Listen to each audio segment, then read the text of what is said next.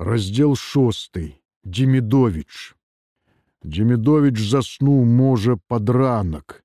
З вечару яго раз пора збіў кашаль, колькі ён не стрымліваў яго, усё роўна не адчапляўся, аж разрываліся груддзі. Усё ж ён паступова сагрэўся першы раз за якіх чатыры начы мусіць серафімчыны зёлкі мелі нейкую сілу. Дзімідович дужа пакутваў ад прастуды, непрыкаянасці, а яшчэ болей душэўна ад таго, што гэтак неспадзёўкі рухнуў свет, дзе ён прывык існаваць, дзейнічаць, жыць. Пабурыліся ўсе звыклыя меркі, адносіныя галоўныя, загадкава, незразумела перамяніліся людзі тыя, каго ён ведаў шмат год запар, нават з малку, з кім жыў, працаваў гадамі, зараз, калі грымнула гэтая бяда, сталі не тымі. Сталі незразумелымі, чужымі да ладу ці нядобрымі да яго асабіста. Хто ведае, Добра было таму, хто паспеў далучыцца да арміі. Усё ж войска з'ядноўваецца дысцыплінай, загадам начальства, прысягай урэшце. А як вось тым, што мусілі застацца пад акупацыяй, як ім быць? Дзімідович на яго няшчасце, хоць і лічыўся калісь камандзірам запасу, але з прычыны хваробы на сухоты быў спісаны з войска пачыстай. Пра войска ён не мог нават марыць. Так сталася, што ён застаўся тут пад немцам, канешне, меў сёе тое заданне ад адпаведных органаў, але во выпадак. Ці ён думаў, што адразу ж, як прыйдуць немцы, у мястэчку паявіцца і асоўскі, той самы правы укланіст, да выкрыцця якога некалі прыклаў руку і Дзімідович. Правільна прыклаў бо такога як гэты інспектор раёна трэба было рэпрасаваць яшчэ гадоў на 10 раней. Ды тады зважалі на яго педагагічны вопыт, высокую адукацыю, падумаеш, скончыў пецярбургскі універсітэт. Цяпер каму невядома, чаму вучылі у тым універсітэце. Ды з якога класу паходзіў, засталося не зусім высветленым. Дземідович жа скончыў педтэхнікум, але ён быў сынам селяніна парубка, на жаль, нерабочага, як іхні заграяна крукаў. І ўжо ў класавых пытаннях яму не трэба было шмат разбірацца. Класавыя інтарэсы ён адчуваў нутром. Стычкі за соўскім у яго пачаліся яшчэ ў трыццатым годзе, як толькі Дзімідович прыехаў у мястэчка настаўнікам і пачаў прымаць актыўны ўдзел у грамадскім жыцці спярша камсамолу, а затым і партыі, як стаў партыйцам бальшавіком. Стычкі адбываліся збольшага па той прычыне, што ў той час, як ён Дзімідович усімі сіламі і памкненнямі падтрымліваў палітыку партыі і кіраўніцтва, гэты асоскі з усяго імкнуўся зрабіць выключэнне. Наконт кожнай кампаніі ён меў сваю думку. І галоўнае нахабна выказваў яе, не зважаючы нават на прысутнасць начальства з раёну ці нават за кругі, як ён не раз тое тлумачыў па праву старога бальшавіка. На самай справе даўно беспартыйнага, бо яшчэ ў двадцатыя гады яго вычысцілі з ВКПБ. Натуральна, што Дзімідович не мог трываць гэтых вылазак амаль незамаскіраванага ворага і даваў яму належны адпор. Усё тое было проста звычайна і правільна для таго часу. Хіба ў ягоным выпадку трохі ускладнілася тою акалічнасцю, што ён кватараваў у доме гэтага самага асоўскага, побач з царквой і як таго рэпрасавалі, заняў ягоную кватэру. Ну, але як было не заняць пусты дом. Жонка асоўскага Маргарыта Леопольдаўна тады з'ехала ў Ленінград да інжынера сына. І Дзімідович быў адзіны прэтэндэнт на гэтую відную дамоўку, бо гадоў пяць цясніўся ў ягонай бакоўцы за кухняй. Праўда, сям'я ў Демідовічы была невялікая. Ён ды жонка, дзяцей яны не мелі, дзе ўжо тыя дзеці ў сухотніка. Заняў ладны дом і ўсё было б добра, калі б некаторыя не пачалі звягаць, што, маўляў, таму і пасадзіў, што паквапіўся на жылплошчу. Але не квапіўся, так атрымалася. І горш за ўсё ў гэтай гісторыі тое, што Мікалай Тарасевич, ягоны юнацкі сябра, таксама паверыў у яго карыслівасць з таго і пачалося. Калі ўжо з чаго пачнецца, тады і цяжка ўгадаць усе вынікі і прадбачыць хаду падзей у тых зласлівых адносінах. Тады тыя адносіны павядуць цябе самі, часам насуперак асабістаму твайму жаданню. Так сталася і з міколам. Спярша нешта звягнулі жонкі, жонка Демідовіча Паліна Александраўна увечары неяк паскардзілася на ядвігу Іванаўну, ён падумаў: дурное, прамаўчаў нават. Але праз дзён колькі сам пачуў на перапынку, як жанчыны настаўніцы паміналі яго імя менавіта ў сувязі з яго дамоўкай. Зрабілася крыўдна і ён пры выпадку сказаў мікалаю каб той крыху укараціў язык сваёй жонцы той не стрываў ганарыста адказаў у тым сэнсе што не трэба было даваць падставы не спатрэбілася б і укарачваць языкі людзям. Гэта якім людзям узвіўся дзімідович сам знаеш якім сказал мікалай тарасевич і размова на тым абарвалася. Размова дык абарвалася але канфлікт на гэтым не скончыўся І калі неўзабаве на партактыве ў дакладзе сакратара райкаму катушкіна былі подвергнуты крытыцы некаторыя настаўнікі раёну, пераважна за нацыяналістычны ўхіл. У спрэчках выступіў Миколай Тарасевич, яўна выгараджваючы тых настаўнікаў. Тады ўзяў слова Дзімідович і, гледзячы ў вочы свайму нядаўняму сябру, сказаў, што замест таго, каб апраўдаваць іншых, таварыш Тарасевич павінен быў бы спярша прызнаць уласныя хібы ў гэтым пытанні. І як нахвальваў новую зямлю коласа, некаторыя вершы купалы і як недаацэньваў пралетарскую паэзію чарота і Александровича. Ён тады адкрыў многім вочы на сапраўдную сутнасць настаўніка беларускай мовы і літаратуры Тарасевіча і ніколькі не раскаиваўся ў тым. З бальшавіцкай праматой ён сказаў праўду, нічога не прыдумаў і не ўтаіў. Пра новую зямлю, напрыклад, яны колькі перагаварылі ў тыя гады, як найбольш сябравалі, Тарасевич тады быў у захапленні ад тае безумоўна шкоднай кулацка-нацыяналістычнай паэмы. А між тым самі коласы купала выступалі ў друку з чыста сардэчным прызнаннем уласнай кантравалюцыйнай дзейнасці, якую дагэтуль не мог распазнаць у іх творчасці член партыі і настаўнік Миколай Тарасевич сяброўства іх з таго часу канешне шляснула. Тарасевича праз нейкі час пасадзілі але завошта канкрэтна гэта ўжо дземедович не ведаў. Да той пасадкі ён не меў аніякага дачынення. Тут ягонае сумленне было чыстае У той час ён ужо працаваў у райкамі і з пасадкай Тарасевіча мусіць пастараліся іншыя, але не Дзімідович. Недзе сярод начы яго разбудзіла серафіма, прынесла конаўку гарачага пітва, што пахла чаборам.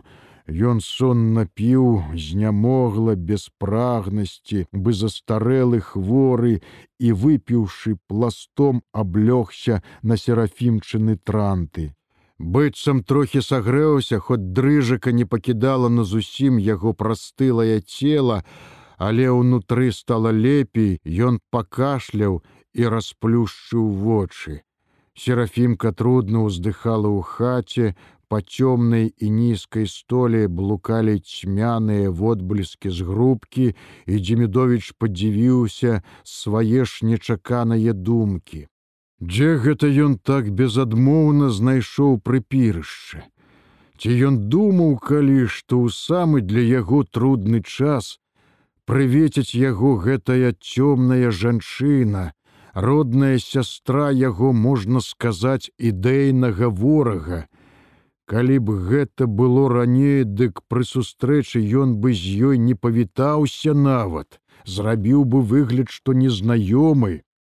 Сапраўды, мець нейкія сувязі ці падтрымліваць знаёмства з сям'ёй ворагаў народу, нацыяналістаў, контррэвалюцыянераў было болей, чым неразумна. Было злачынна, і многія паплаціліся за гэта. Ён жа заўсёды стараўся нічым не запляміць свой гонар бальшавіка партыйца. Тады ў мястэчку, як вярнуўся гэты асоўскі, яго не было дома. Ён памагаў швагру лапіць гонтам страху на варыўні, куды яны сыпалі выбранную загарода бульбу. Як прыбегла жонка, з той ашаламляльнай навіной ён не паверыў нават, але мусяць жонка не памылілася. Асоўскі казала, стары ўжо і знямоглы, прыпёрся пасля абеддзі ў дом і найперш папытаўся пра Дзімідовіча. З якой мэтай ён тое пытаўся, было вядома без далейшых роспытаў. Жонка нешта не дужа верагодна схлусіла і пабегла папярэдзяць мужа. Учуўшы тое, Дзімідович на некалькі хвілінаў разгубіўся, а затым выразна паглядзеў на швагра і ўпершыню тады ўбачыў, як гэты добры прастадушны чалавек адвёў свой позірк у бок.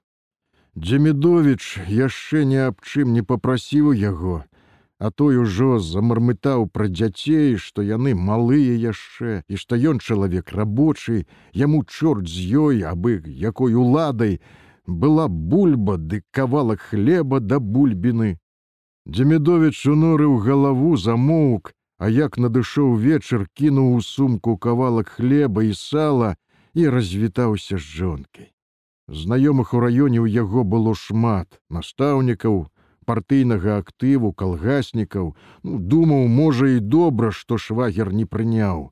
Знойдзе не горшы прытулак у якім глухім месцы, мо будзе яшчэ і лепш.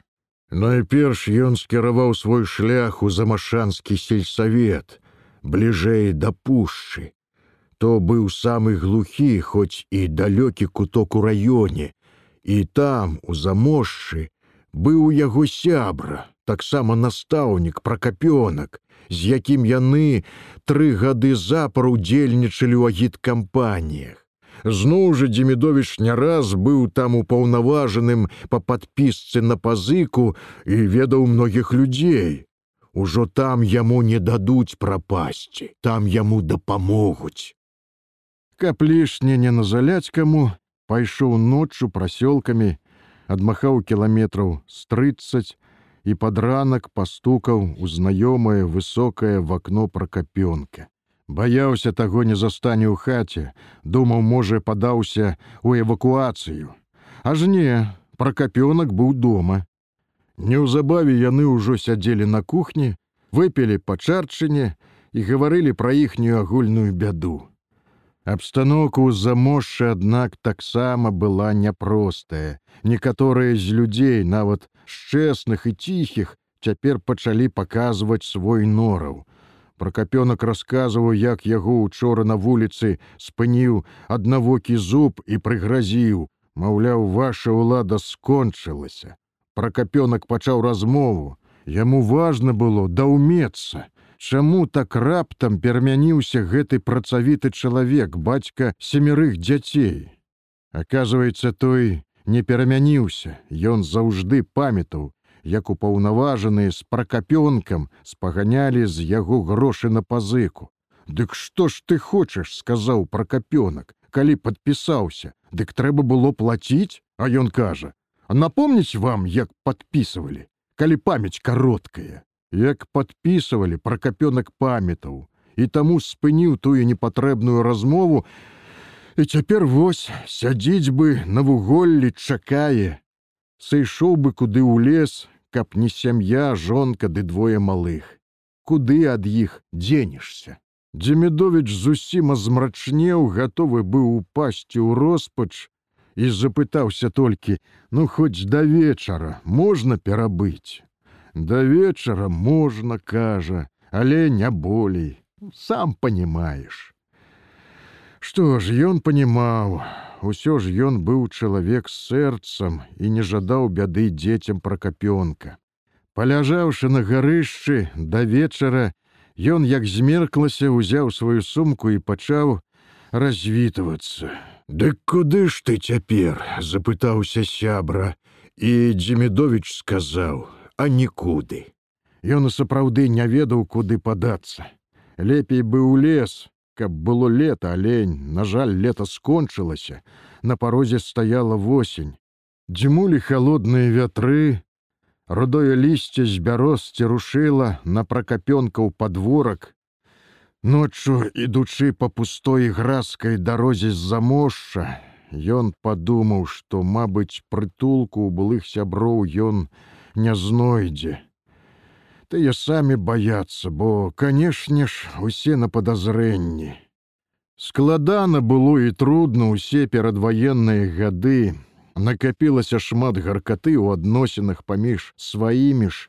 Засталіся недабітыя і недавыкратыя ворагі, якія цяпер во паказваюць свае іклы і спадзяюцца на немцаў. Думаючы пра гэтых недабітых, Дзімедович пачынаў закіпаць ад злосці не дагледзелі, не разгадалі ў свой час, а ўжо стараліся. Але ніякай работы, мабыць, не бывае без браку, асабліва у такой рабоце, як класавая барацьба. А што было б, каб не гэтая барацьба, каб нікога не рэпрэсавалі, не ссылалі, і ўсе тыя яўныя і тайныя ворагі дажыліся да гэтага часу, страшно падумаць нават что тады было б. Парэзалі по першую ж ноч акупацыю ўсё кіраўніцтва партыйны актыў усіх хто памагаў органам. Не мабыць правільна іх душылі ўсе двадцать гадоў. А можа і не зусім правільна можа хай бы сабе жылі б мужикі не чапалі б іх не мелі б зла і яны Зямлі было даволі усе, хто хацеў пасля рэвалюцыі зямлю атрымалі і калупаліся б на ёй, як маглі і умелі. Вядома, што селяніну абы які, але абяскова, каб уласны лапік, ён не падніме ад яго носа, будзе калупацца ад цемна да цямна.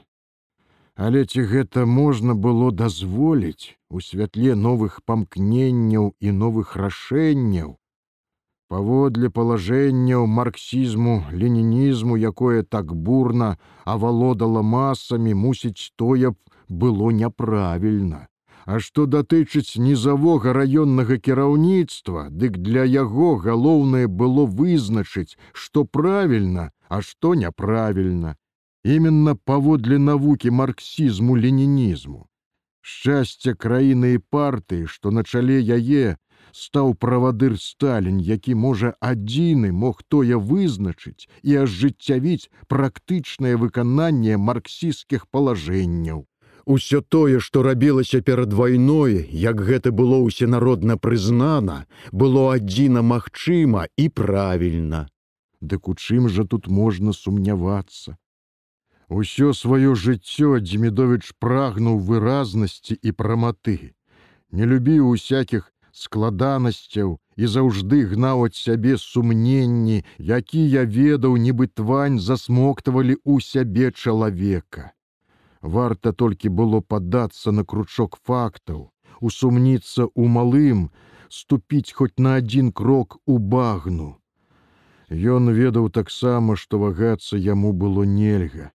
Партыйны кіраўнік павінен быць чалавекам жалезных перакананняў, ва ўсім давяраць кіраўніцтву, якое ўжо, напэўна, разумнейшае за ўсіх, хто ніжэй, і ўсё як мае быць абмеркавана перш чым паявіцца перад краінай у форме пастановы ці рэзалюцыі. Ужо таварыш Сталін іх добра абдумаў, а таварыш Сталін ніколі не памыляецца, гэта было вядома кожнаму школьніку. Так думаў Дзімідович, тупаючы цёмнай дарогай з-за мошша, і на цімкавіцкім раздарожжы, трохі павагаўшыся, павярнуў да бялавіч. Там у яго не было знаёмых калег настаўнікаў, але дзесьці жыў калгаснік пчаляр, якога ён падвозіў гады тры назад па дарозе з полацку.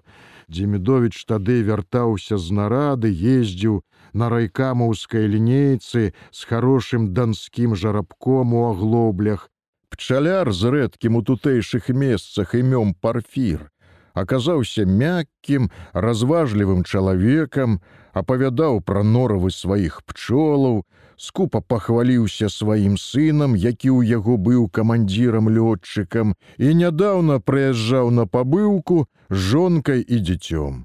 Па сакрэце паведаміў, што сын пабываў у Іспаніі і мае ордэн за ўдзел у паветраных баях. Прыпамятаўшы цяпер таго парфіра, Дзімідович рашыў завітаць у бялавічы, якія былі амаль па дарозе і недалёка, можа, праз якіх 10 кіламетраў ад замошша.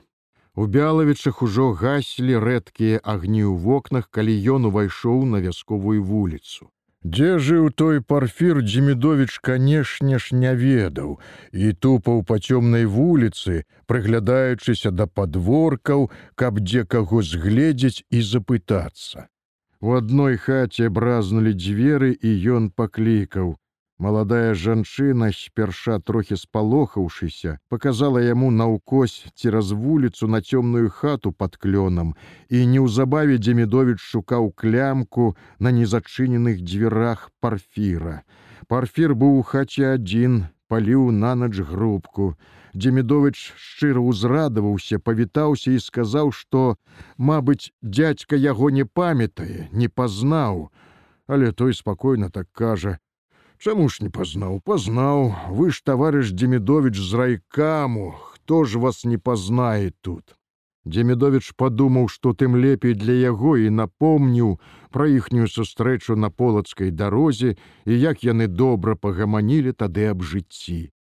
Усё ж ён неяк хацеў сам не прызнаючыся сабе, неяк паддобрыцца да гэтага чалавека, пачуць яго спачуванне і атрымаць дапамогу. Але парфір не дужа спяшаўся спачуваць, размову ён быццам падтрымліваў, але без жаднай хвоты толькі часто ўздыхаў, пазіраючы на агонь у грубцы. Дземідович скупа, але пераканаўча, як здавалася яму, расказаў пра становішча на фронтах, у якім стане апынулася краіна у выніку гэтага знянацкага нападу гітлера і як цяпер трудно ўсім і асабліва тым, што апынуліся на часова занятых фашыстамі тэрыторыях. Пра сябе ён яшчэ не сказаў ні слова, але парфір, калі ён трохі прымоўк, раптам заўважыў з-пад касмлявых брывоў, зыркнуўшы на гостя. Цяпер вам трудно, гэта канешне. Але ж дзе чалавеча вы тады былі, як усім трудно было. Гэта калі, не зразумеў Дзімідович, а тады, як стагналі ўсе, слёзы лілі, галадалі і з голаду пухлі, як у тридцать третьем. А во ён пра што з непрыемнасцю падумаў Дзімідович, ужо ці за нямецкую уладу ён за акупантаў. Усё ж цяпер Дзімідович не хацеў абвастраць размову і даволі няпэўна адказаў: Ну, было, канешне, і тады труднае, індустрыялізацыю праводзілі, напружвалі ўсе рэсурсы. Трэба было. Ну, можа, і трэба пагадзіўся парфір, але ж нашто было з народу знушчацца, над сваімі здзеку твараць. Ну, гэта ты кінь дядзька, які здзек, Класавая барацьба была гэта праўда, а здзекавацца над сваімі ніхто не хацеў. А тое, што даўшы зямлю назад адабралі, не здзек, што за працу з калгасу нічога не давалі, не здзек, і што абіралі сялянаў, і мяса, і малако, і яйкі, і воўну, і скуры са свіней, і лёны бульбу, і яшчэ грошы, налог, страхоўка, самааблажэнне, а пазыка. Я думаеш, чаму тры калоды пчолаў завёў, што дужа мёд люблю. За восем гадоў я яго лыжкі не паспытаў, каб сплаціць усё, купіць і здаць, во для чаго. Прытым, што ў калгасе кожны дзень рабіў. Летась 370 працадзён выгнаў. А што атрымаў на іх паўтара пуда гіршы? Ну як жыць было? Такога Демідовіч тут не чакаў. Гэты проста аказаўся затоенай контрай. Бач ты, мала яму гірсы дасталося, быццам іншым даставалася болей. Ці іншыя меней плацілі, здавалі дзяржаве, але глядзі ты, колькі накапіў крыўды. Дарма вы так, парфір, я лічыў вас сознательным калгаснікам, а вы попракнуў Демідович. А я і сознательны падняў ад грубкі шчырванелы, аброслы сіваю шчэццю твар гаспадар хаты. Я самы сознательны ў дзярэўні, усё выконваў.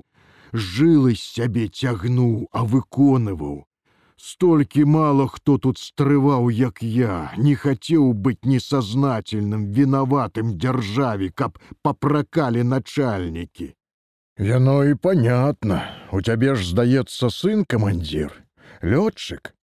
Парфір трохі прымоўк, быў успамінаючы штось невясёлае, і Демідович падумаў, што пра сына сказаў, мабыць, дарэчы, але парфір нечакана сказаў: « У тым ты і справа, што сын быў камандзір, лётчык, ды сплыў посадили лётчыка тры гады ні пісьма ні прывета. Мой жывога няма ўжо. Ах вось что да роздумна прамовіў демідович са злосцю думаючы што і тут ашукаўся. І тут не тое Мабыць, гэты парфір перажывае за сына таму і такі ненастроены. А ён думаў, разумны дядзька, з ім можна будзе паладзіць, але на чорта такія разумныя, што з іх карысці, толькі маўчаць да пары, подлажваюцца. Але во паразвязвалі языкі, загаманілі пра тое, пра што маўчалі гадамі. Не, тут ён не застанецца, у такога ён прасіць прытулку не будзе. Такі яго не схавае, глядзі яшчэ заўтра ж выдасць паліцыі. Можа, ужо і сам у паліцыі, ці там сын зяць. Такія нам сёння воргі з неўтаймаванай злосцю думаў Демідович. Трохі пагрэўшыся ў напаленай ды няласкавай парфіранай хаце, Ён суха развітаўся і пайшоў зноў у ноч. Доўга клыпаў гравійкай, подбіўся, хацелася спаць, а спачыць не было дзе. Зноў жа пасыпаўся дождж, ад якога не надта ўберагаў ягоны руды, пацёрты плашчык і ён усё думаў, куды б завярнуць, дзе схавацца ад непагадзі. Ён і так, колькі дзён чуўся даволі блага, пачало дапякаць нездароўе, часам ліхаманіла, а ў тую ноч на дажджы ён такі прастудзіўся добра. Ля бывалаўскіх хутароў збочыў з гравійкі і, не разбіраючы дарогі, дабрыў да нейкай сядзібы. Стукаць у вокна ўжо не наважыўся, згледзеў трохі наводдаль ад хаты чорную ўначы пуню і праз незачыненыя вароты у лесу яе. У куце якраз ляжала трохі леташняй паточанай мышамі саломы, Ён зашыўся ў яе ля сцяны і ўсё дрыжучы целам задрамаў троху да ранку. Прачнуўся, аднак пазнавата. Ужо чуліся галасы ля хаты, але ён не стаў абзывацца. Ён ціхенька выбраўся з пуні і даўшы добрага кругаля, абыйшоў хутар, выбіўся на нейкую палявую дарожку і борзда пасігаў па ёй, каб сагрэцца. Пасля ночы увогуле чуўся ён кепска. Балела горла надта ламіла косці. Тады ж ён пачаў кашляць і спалохаўся ад думкі, ці не абвастраюцца гэта сухоты, трохі залечаныя за апошнія гады. Калі па такім часе адкрыюцца сухоты, тады яму кранты, а і сапраўды было падобна на тое. Асабліва дакучаў кашаль. Той дзень ён на бяду яшчэ дужа прамачыў ногі ў гамашах. Трава пасля дажджу скрозь была мокрая і недзе ў пасляабеддзе зразумеў, што далей ісці няма сіл. Рэшту таго дня праваляўся ў разламанай паветцы ля вёскі берагі пад тумілаўскай пушчай.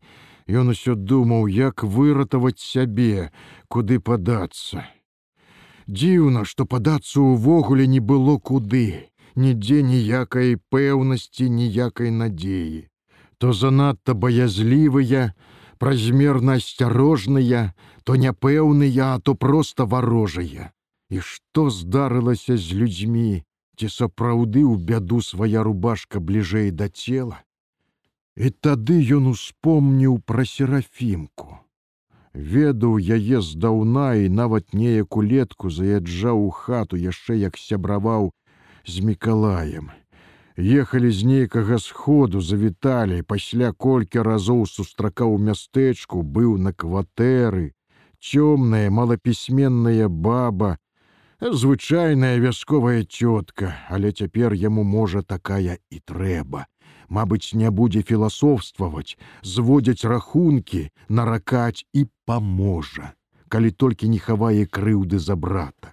Іншага ў яго не заставалася А любышы былі недзе за лесам, і над вячоркам ён пусціўся ў дарогу цераз лес і поле, да старых торфараспрацовак, дзе на пагорачку прыткнуліся гэтыя любашы.